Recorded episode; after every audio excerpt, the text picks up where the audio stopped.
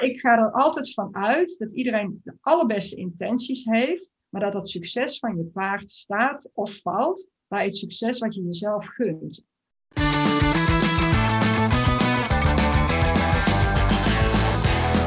Leuk dat je luistert naar de paardenpodcast van Horse in Mind. Ik ben Rianne Dekker en in deze podcast hoor je toffe gesprekken met experts over het houden en trainen van paarden. Met al deze experts heb ik één ding gemeen en dat is dat we een wereld vol gezonde en gelukkige paarden willen.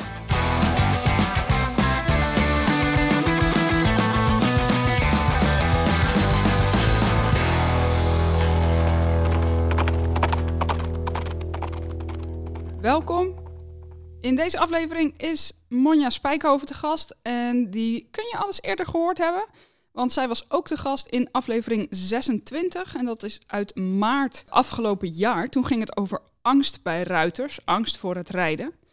En in deze podcast hebben we een klein beetje overlap, maar gaat het heel erg over de weerbare ruiter. Monja is eh, docent aan de Gelukkige Ruiteracademie en heeft heel erg veel ervaring met angstige of onzekere ruiters. En volgens haar is weerbaar worden de oplossing. Ja, en wat dat weerbaar worden nou eigenlijk betekent, ja, dat legt ze uit in, eh, in deze aflevering. Het is opgenomen in een videocall, dus het geluid is ietsje anders dan dat je nu hoort. Maar als het goed is, heb je daar uh, geen last van. Op 25 februari aanstaande geeft ze ook een webinar voor Horse in Mind, waar je je voor op kan geven. Uh, tijdens de podcast zal ik daar wat meer over vertellen, ook waar je je op kan geven voor dit webinar. Ik wens je heel erg veel luisterplezier.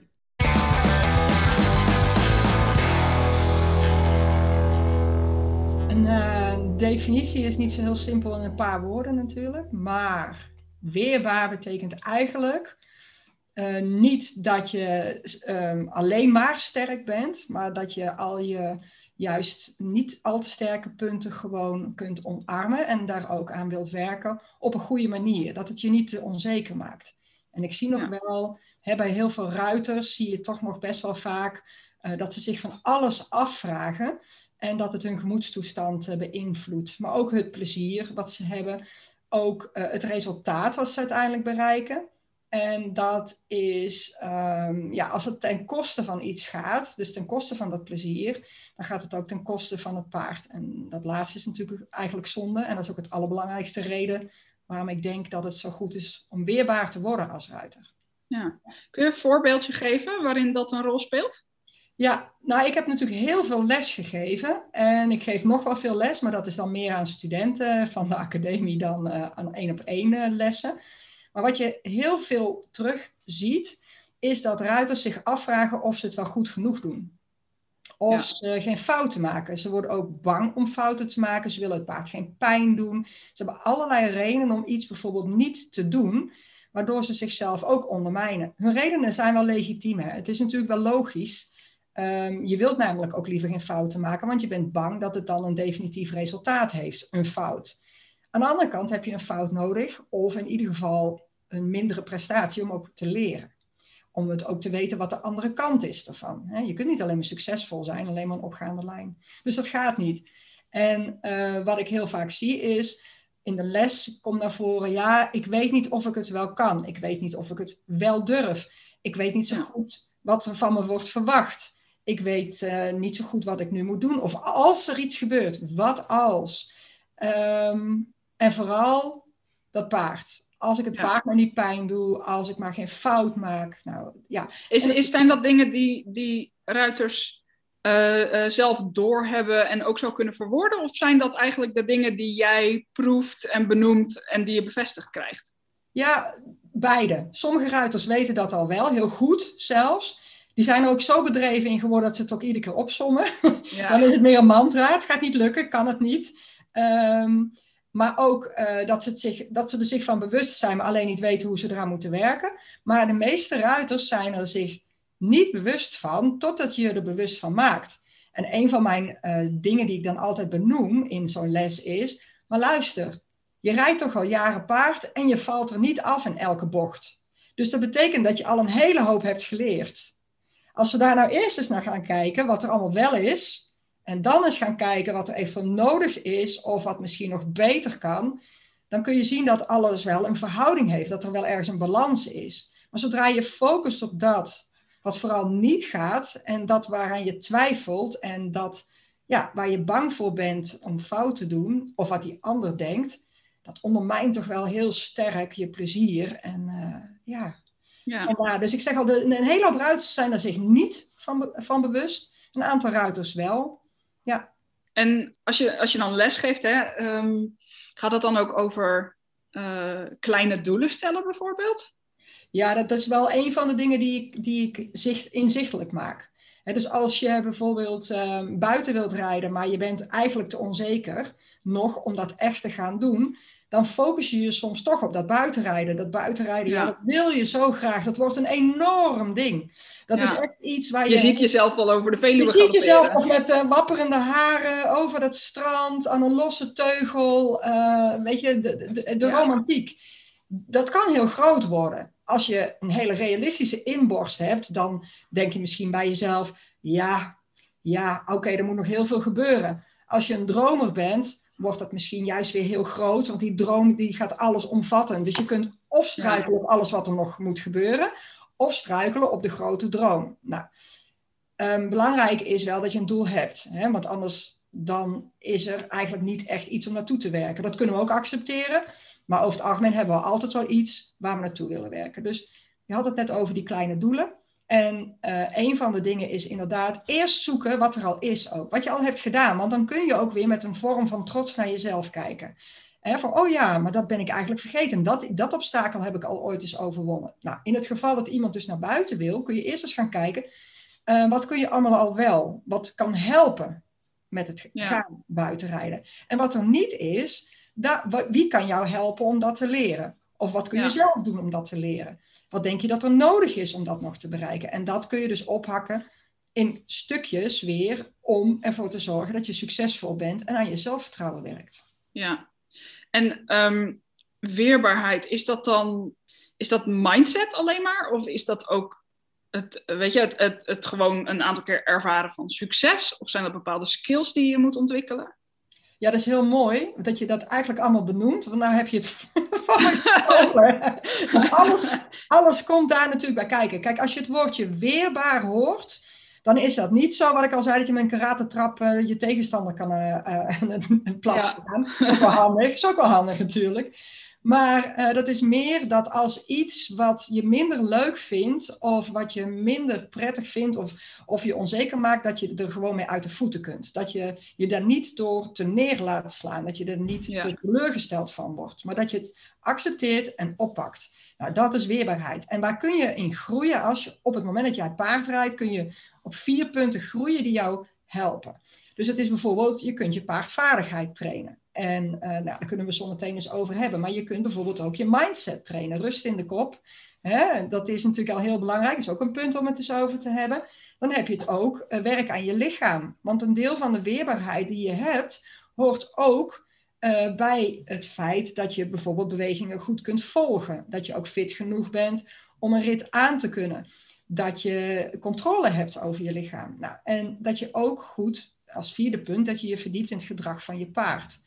Want als jij je paard heel goed kunt lezen en aanvoelen en dus adequaat kunt reageren, dan ga je ook een situatie beter begrijpen. Nou, al die vier punten, als je daarin jezelf laat groeien en ook de tijd neemt om te ontwikkelen, dan word je volgens mij heel weerbaar en heb je ook niet direct um, dat je meteen bij de pakken neerzet. Er is altijd wel iets wat je wel op kunt pakken. Ja, ik vind het wel grappig, want eigenlijk als je paarden traint, dan ben je continu bezig met dit soort dingen. Ja. Je, bent, je bent continu bezig met de vaardigheden van je paard en zorgen dat hij meer vaardigheden leert. Je bent continu bezig met ontspanning. Ja. Ehm, je bent continu bezig met ontspanning. Je bent continu bezig met uh, een fit lichaam, uh, dus controle over dat lichaam, de dressuur. Uh, en continu bezig met zijn gedrag. Ja, dus dat is natuurlijk wel heel interessant dat we als ruiters en als eigenaren daar heel erg mee bezig zijn met ons paard. Ja. Maar waarom, en dat ik waarom, ja, waarom lukt het ons, ja. waarom lukt het dan voor onszelf uh, uh, lang niet altijd? Ja, nou als wij alleen maar met dat paard bezig zijn, vergeet je jezelf. En als je alleen maar met jezelf bezig bent, vergeet je het paard. Dus je moet daarin een balans zoeken. als wij uh, onze kennis alleen maar richten op het paard, dan weet je eigenlijk zelf niet eens goed wat er voor nodig is om dat succes te gaan behalen, wat je wenst van je paard. Je weet niet eens wat dat paard er eigenlijk ook allemaal voor moet doen, waar die tegenaan gaat lopen, wat obstakels zijn. En de vraag is natuurlijk ook altijd, kun jij het wel, wat je van je paard verlangt? Kun je het wel en mag je het ook vragen? Hè? Ik bedoel, ja, dit, dit klinkt natuurlijk heel hard, maar als ik een super strak getraind paard wil hebben en ik ben zelf totaal niet fit, en dan heb ik het niet over niet fit dat ik niet uh, drie kilometer kan hardlopen of iets dergelijks, maar ik ben gewoon totaal slap en ik heb een slecht stamina en ik ben uh, eh, 25 kilo te zwaar, hoe wil ik dan toch iets vragen van mijn paard? Nou, dat zijn allemaal hele mooie discussiepunten die ook wel een beetje ethisch zijn, misschien hier en daar. Ja. Maar ik ga er altijd van uit dat iedereen de allerbeste intenties heeft, maar dat het succes van je paard staat en, eh, of valt bij het succes wat je jezelf gunt en wat je ook kunt bieden. Dus als jij weerbaar wordt en ook de strijd soms met jezelf aangaat, want maar we eerlijk zijn, ik zit s'avonds ook graag onderuitgezakt op die bank met een zak chips. Maar als ik dat elke dag doe, zeker in coronatijd, word ik en zwaar, maar ook slap. Want ik heb ook geen zin, om, normaal ga ik naar de sportschool. Weet je, en nu doe ik dat niet, want ja, die zijn dicht. Ik moet thuis trainen. En in het donker, alles is leeg. Maar als ik die niet door mijn eigen weerstand heen ga, en mijn eigen weerstand dus leer managen en ook daar geen excuses voor zoek. Hè, het is donker, het is koud, en mijn kinderen dit, de avondmaaltijd dat, de boodschappenlijst hier. Ik moet al zoveel, zoveel ballen, wat ben ik toch eigenlijk sneu? Als ik niet weerbaar ben dus en ik geen weerstand toon tegen mezelf, ben ik ook niet weerbaar en ben ik dus eigenlijk ook niet een weerbare ruiter voor mijn paard. Dus je kunt het doortrekken naar kinderen, je kunt het doortrekken naar paarden. Ik vind altijd, als je dus iets verlangt van een ander, moet je toch zelf daarin heel veel tegemoet kunnen komen. En um, je gaf al even aan dat het, dat het ook te maken heeft, weerbare ruiter zijn, ook te maken heeft met dus een, een fit lichaam. Hoe, hoe werken, werkt dat mentale en fysieke samen? Nou, het is, ehm, kijk, ik wil niet zeggen hè, dat als je bijvoorbeeld een handicap hebt of als je uh, een beetje overgewicht hebt of soms een keer uit, je, uit conditie bent dat je geen recht hebt. Hè? Dus laten we dat even voorop uh, zetten.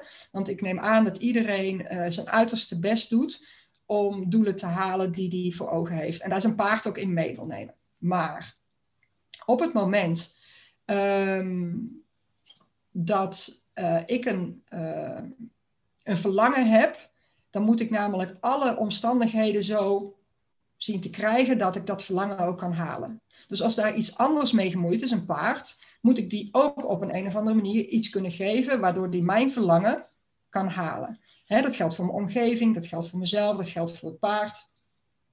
Um, even kijken, nou was ik even de draad kwijt natuurlijk. Van exact jouw vraag, dat zie je. Want dan ga ik, mijn hersens lopen altijd vooruit. Ja. Nee, dit, het, de, de, hoe dat fysieke en mentale. Ja, dat bij elkaar hangt. Ja, ja precies. je kunt je bijvoorbeeld voorstellen, als ik buiten wil rijden. En dat paard, uh, en ik ben eigenlijk nog een beetje onzeker voor het buitenrijden, want dat paard kan omdraaien. Of dat paard is misschien nog niet zeker genoeg. Uh, van, ik ben niet zeker genoeg van mijn paard in groot verkeer. Of um, ik, heb, uh, ik, ben, ik ben bang dat ik iets tegenkom waar ik uh, geen invloed op kan uitoefenen. Neem maar, uh, denk maar aan een hond. Denk aan een trekker die in één keer uit een zijstraat komt. Denk aan een opvliegende eend. Noem maar op. Op het moment dat ik buiten rij, moet ik in ieder geval van mezelf zeker zijn dat ik die bewegingen op kan vangen. Dat ik, dat, ik dat kan volgen, dat ik het paard goed kan volgen. Dus dat hangt vaak samen als je in de rijbaan, als jouw als dan een waakvlammetje al in jouw hoofd zit, wat als die daar omdraait? Een lichaam waarschuwt ook een brein. Dus als jij dus niet, nog niet controle genoeg hebt over jouw lijf, zal er altijd een klein beetje een waakvlammetje zijn tussen hè, in je brein van let op, want die waarschuwt je. Je bent nog niet, hè, je, en, en, dat doe je niet eens bewust, want je brein zegt niet, je bent niet goed genoeg. Maar je lichaam waarschuwt je. Ik zal je een klein uh, anekdotetje vertellen wat dit uh, nader toelicht. En wat ik heel veel tegen ben gekomen, maar ook zelf ben tegengekomen, is op het moment dat je dus een kind hebt gekregen, is je lichaam anders. En je denkt nog alles te kunnen daarvoor, maar je lichaam is anders. Je stapt op zo'n paard en in één keer denk je, oeh, ik kan hem minder goed volgen. Of oeh, ik zit niet meer zo makkelijk of zo rechtop of zo krachtig of zo aangesloten als voorheen. En ehm, je lichaam, die zendt namelijk die seintjes al. Je bekken is anders of je, ben, je spieren zijn anders, snap je? Ja. En daardoor is je brein dus weer meer alerter. Nou, dan is er dus geen reden om naar buiten te gaan. Dan moet ik eerst zorgen dat mijn lichaam fit genoeg is om mijn brein ook in toon te kunnen houden. Dat hij dat, ja. dus, dus dat hoort bij elkaar. Dat, ik dus dat, dat doet me ook wat denken. Ja, dat doet me heel erg denken aan, aan iets wat ik van mijn instructrice hoorde echt jaren geleden. Ik denk dat het 2013 was of zo. Over, uh, nou, mijn Mary was niet, uh, niet de makkelijkste. Ik heb er heel vaak naast gelegen. En natuurlijk is dat op een gegeven moment gewoon spannend. Ja. Um, en, uh, en we waren heel erg bezig met, met mijn houding en zit. En ze zei ook van ja, weet je, op het moment dat die dat jou, jouw zit en je onderrug stabieler wordt en je haar bewegingen makkelijker kan, kan volgen, dan, dan ben je ook niet meer zo bang om eraf te vallen. Want dan, weet je, stel dat het een keer gebeurt. Ja. Dan, dan ben je ook veerkrachtig genoeg eigenlijk om er dan weer op te gaan en te denken, shit happens.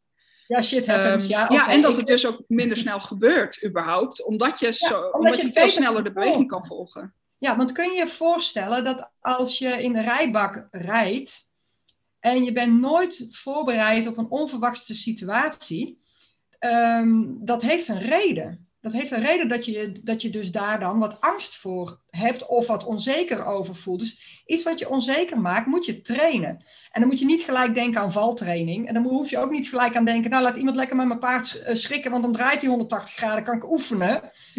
Nee. Maar ga wel eens kijken inderdaad of je je lichaam wel voelt. Of je wel controle hebt over bepaalde lichaamsdelen. Want soms als ik ruiters naar hun lichaam toe praat, dan, dan krijg je in één keer een hele verbaasd iets. Oh, ik voel in één keer dat ik een linkerbeen heb.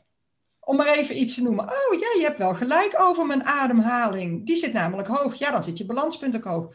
Oké, dus als je bewust al met je lichaam aan de slag kunt, en jij weet dat je, op dat je sterker wordt, want je gaat dat voelen, dan gaat je zelfvertrouwen groeien en dan komt je mindset ook wel mee. Niet, want je kunt namelijk nooit op alles voorbereid zijn. Hè? Dus laten we eerlijk zijn, er kan altijd een keer een eend uh, uit die struik komen in het bos. Dan lig je er nog naast. Maar ja, dan moet je gaan fietsen en niet gaan uh, paardrijden. Precies. dus die connectie is er zeker. Tussen, tussen weer, weerbaarheid hoort zeker uh, dat je aan je lichaam werkt. Wat niet zegt, nogmaals, dat we allemaal super fit en strak en op gewicht moeten zijn. Maar onthoud dat dingen je wel helpen om je paard te volgen. En dat wat je van je paard verlangt, dus alert zijn, controle, dat soort dingen, dat je dat ook van jezelf mag verwachten.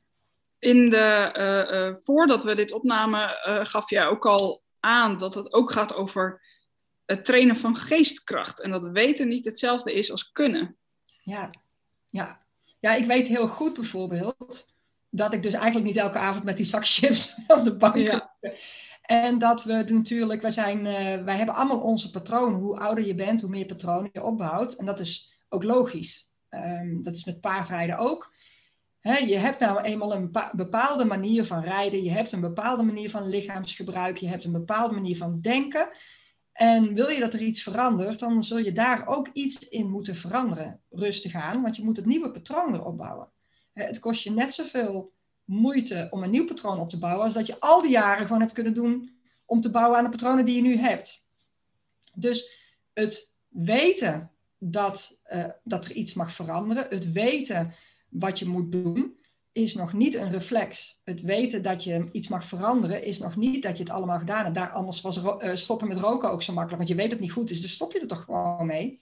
Dat onderbewuste, dat moet iedere keer getraind worden. En dat train je dus eigenlijk alleen maar door nieuwe dingen. Ik heb daar bijvoorbeeld met lichaamsbewustzijn, uh, heb, heb ik bijvoorbeeld twee dingen. Ik train mensen met elastieken, om weer, dat ze dus hun lichaam weer gaan voelen.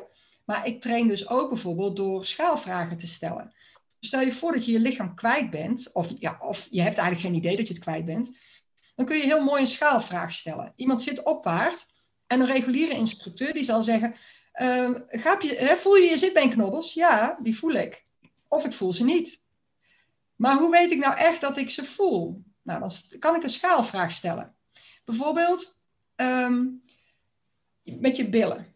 Dus laten we even die zitbeenknobbels, want niet iedereen weet precies wat die zitbeenknobbels En dan gaan we nu een hele discussie houden over waar die zitbeenknobbels zitten. Maar pak even je billen. Want dan zeg ik altijd, als je nou je linker en je rechter zit, uh, uh, zitbeenknobbel wil ik natuurlijk zeggen, bil voelt.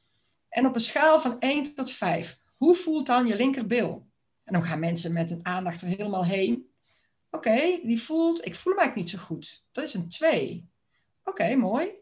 En als je dan je rechterbil voelt op een schaal van 1 tot 5, oh, maar die voel ik veel meer. Dat is een dikke 4. Oké, ik zeg, en als je daar nou alle twee een 3 van probeert te maken, en zo kun je al het lichaamsdeel kun je nalopen. En die kun je ook weer navragen later, bijvoorbeeld. En zo zijn mensen heel actief met zichzelf bezig. Ze zijn toch aan het rijden. En door iedere keer zichzelf uit te lijnen, bouwen ze ook nieuw gedrag op. Hè? Dus, en ook weer nieuwe patronen. Omdat ze dus weer dingen voelen die ze eerder niet voelden op een onbewuster niveau. Want ik maak ze ervan attent. Nou, dat geldt met die elastiek ook. Um, ja, wij hebben natuurlijk nog geen plaatje, maar er is op mijn uh, pagina genoeg te vinden over elastieken. En dan zul ik het ook nog wel een keertje uitleggen. En anders moeten ze naar het webinar uh, gaan luisteren dan, uh, of we kijken dan ja, ja, een foto laten zien. Hè? hebben, we, hebben we nog niks over gezegd trouwens, nee, maar die is, die is dus op nog. de 25ste om, om 8 uur. Precies. Maar het linkje, het linkje daarvan zet ik ook wel even in de beschrijving van deze podcast. Ja, ja helemaal top. Hey, maar elastieken, kun je je voorstellen, iedereen heeft misschien wel eens een bodywrap bij een paard gezien met een bandage of iets dergelijks. Je kunt het heel eenvoudig bij een paard doen, maar dat kan dus bij een mens ook. En als je dat goed doet, ervaar je weer dat je stukjes uit je lichaam of in je lichaam gebruikt die je gewoon totaal vergeten was, bijvoorbeeld. Nou, als je dus weer gericht aan iets kunt werken, zorgt dat dus ook weer voor een andere uh, brein-lichaamsconnectie. Nou, en dat zijn de dingen die je traint, want die had je dus eerst tekort. Anders was je niet bang, of was je niet onzeker, of was je niet, uh, twijfelde niet aan jezelf, of was je niet teleurgesteld. Dus je kunt weer vooruit. Snap je? Dus, en de reden dat je vooruit kunt, het besef dat er groei mogelijk is, maakt je weerbaar. Maar ook het feit dat je dus ook echt traint en aan nieuwe patronen werkt. En je, je werkt veel met, uh, uh, of, of je hebt, hebt, veel ervaring met ruiters die angst hebben voor het paardrijden. Ja. Um, en nou ja, dat is natuurlijk waarschijnlijk voor een deel is dat iets natuurlijk wat in je hoofd zit, maar ik vermoed zomaar dat weerbaarheid uh, uh, en dat het iets in je, dat, dat in je hoofd zit, dat klinkt dan weer alsof het niks is, maar dat bedoel ik niet. Maar dat heeft natuurlijk ook weer veel te maken met weerbaarheid, hè? Ja, ja. Nou, kijk, weerbaarheid, alles wat je thuis hebt, neem je ook mee naar je paard. Dus als je thuis uh, in je eigen gezin al van alles afvraagt of op je werk afvraagt, je bent niet in één keer een hele totaal andere ruiter. Dus er zijn zaken die zich in jouw hoofd afspelen, die terecht zijn, of soms niet eens terecht, omdat het dan weer, hè, dat is zo'n what-if die erin gesleten is als een patroon. Dus je, je hoofd is bij weerbaarheid het allerbelangrijkste, maar is ook het moeilijkst trainbaar.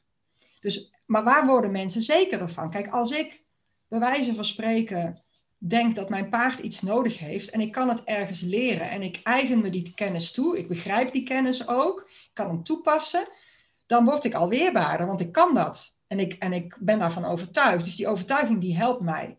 Als ik uh, mezelf dus kan overtuigen dat ik dus iets echt wel kan, dan word ik daar ook weer zeker. Dat klinkt gek, hè? want dan overtuig ik me dat ik iets kan, dus dan werk ik aan mijn mindset, maar dan wordt mijn mindset ook beter van. Ja, uiteindelijk wel.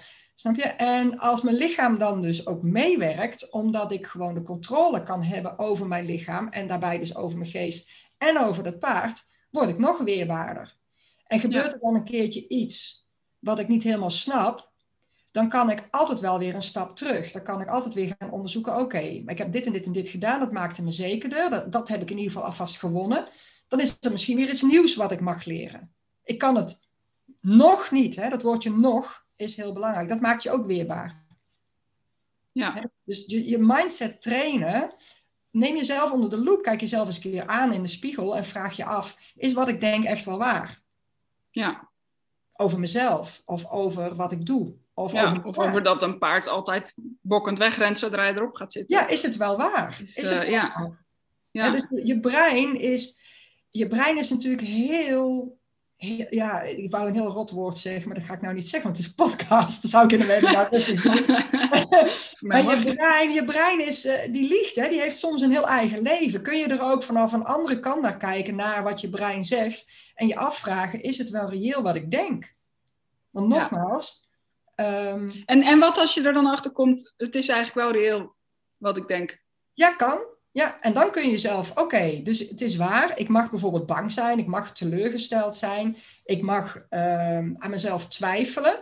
En dan is de vraag, waar kun je dan die weerbaarheid trainen? dus daar, zou dan weer uit voort kunnen komen, oké, het is waar, heb ik het nodig, ja of nee? Is het echt iets wat ik nodig heb om dus uh, mijn weerbaarheid te vergroten? Of kan ik ook een afslag links of rechts nemen naar een ander gedachte, naar een andere uh, uitvoering van wat ik wil? dus daar creativiteit erin tonen, dat toon je ook weer weerbaarheid. Ja, ja precies. Dus zo, zo train je jezelf eigenlijk gewoon continu op al die verschillende stukjes. Ja. Die, die samen maken dat je bijvoorbeeld wel weer durft op te stappen, of wel in de buitenbak durft te rijden, of een stukje het bos in, of wat dan ook. Ja, ja, het is grotendeels, kijk, als je niet precies weet waar je teleurstelling vandaan komt en of je angst. Soms weet je het wel, hè, dan ben je er gewoon afgevallen. Of soms is je paard in het bos aan de kletter gegaan. Of soms uh, was jouw wedstrijdresultaat niet goed en dan ben je teleurgesteld in jezelf. Dat is allemaal waar. Op het moment dat je dat blijvend blijft geloven, verlies je dus je weerbaarheid. Oké, het is één keer gebeurd, dus probeer het plaatje ook groter te maken. Het is één keer gebeurd, het is twee keer gebeurd. Ten opzichte van misschien 300 goede momenten. Ja. Oké, wat kan ik dus doen uit die 300 goede momenten? Wat kan ik daar dus uithalen? Zodat ik kan voorkomen dat het andere gebeurt, wat ik dus niet wil. Als ik daar niet tot de oplossing kom, kijk ik mezelf aan in de spiegel. Dan ga ik nadenken, oké, wat zou er eventueel dus nog meer zijn? Wat kan ik dus wel leren? Welke kant kan ik ook opdenken? Maar als je bij die pakken neer gaat zitten, wordt het een ding. Dan, dan grijp je het vast en dan ga je het ook geloven. En dan maak je eigenlijk je eigen mindset, die zet je vast. Ja. In, in op bepaalde punten. En dat is jammer. zo limiteer je jezelf, maar ook je paard. Nou, zeker. Ehm, voordat we nog heel eventjes naar, die, uh, naar de uh, inhoud van het webinar gaan. Ja. Uh, is er nog iets wat jij, wat jij wil vertellen of kwijt wil over de weerbare ruiter voor in deze podcast? Um, nou, ik denk dat er al heel veel is gezegd. Uh, ik denk dat ik ook best wel duidelijk ben met, met de meeste dingen dat ik wel ja, zeker. Ja. uitleggen, zeg maar. Ja, ik denk um, dat het, um, het aller, allerbelangrijkste van weerbaarheid is, is dat je, er zijn eigenlijk drie punten, en die heb ik ook uh, hier netjes even opgeschreven, anders dan kan ik ze niet zo opratelen. Dat is dat je, dat je gaat begrijpen wat je doet hè, en dat je ook gaat voelen. Dus als je na het begrip, dus de kennis, ook gaat voelen, echt gaat voelen in jezelf wat je aan het doen bent en je succesmomenten goed kunt uh, uh, meten ten opzichte van je niet-succesmomenten. Dus dat je steeds vaker naar een succesmoment komt. Hè? Dus, dus je gaat het begrijpen, je gaat het voelen en je gaat het herhalen. Dat zijn eigenlijk de drie punten die in training altijd terugkomen. En dat geldt dus voor al die vier kopjes. Voor die paardvaardigheid, alles wat je kunt leren op en over trainen van paarden. Als je het begrijpt en je kunt het plaatsen in je gevoel, dan ga je dus intuïtie ontwikkelen. En dat doe je door te herhalen. En dan kun je dus steeds sneller naar het goede toe. Nou, voor elk kopje geldt. Je lichaam, je mind, uh, het gedrag van je paard, paardvaardigheid. Ja, dat is het Ja, precies. Dus zo zijn er eigenlijk in totaal twaalf uh, twaalf subkopjes waar je allemaal uh, gewoon mee aan de slag kan. Ja, dat is een goed idee van een artikel. Ga ik nog maar Ja, graag gedaan. um, nou goed, op de 25e uh, geef je dus een, een webinar voor Horse in Mind. Ja. En voor wie, dat, wie geïnteresseerd is in dus het worden van een weerbaarde, weerbare ruiter. Ja. En dus wil werken aan, aan angst en spanning, ja, kan ik je eigenlijk die van harte aanraden. Ik zet de link daarvan in de beschrijving. Dan kun je je aanmelden. Dan uh, kun je Monja anderhalf uur lang horen over, uh, ja, over dit topic. En al je vragen stellen, want ik heb het liefst heel veel vragen. Dan kan ik heel mooi, naar aanleiding ja. van de vraag, kan ik dingen heel goed uitleggen. En dan is het voor iedereen ook heel erg leuk. Dus ik, ik, ik yes. hoop gewoon op heel veel vragen over ja. angst, over onzekerheid. Ben je wel eens teleurgesteld of twijfel je wel eens?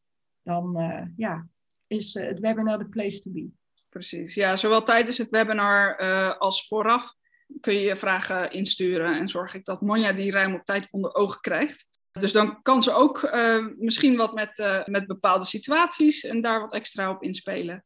dus dat is helemaal tof. Ja, en tips en trucs. Precies. Dankjewel, Monja. Ja, gedaan. was weer superleuk. Tot de volgende keer.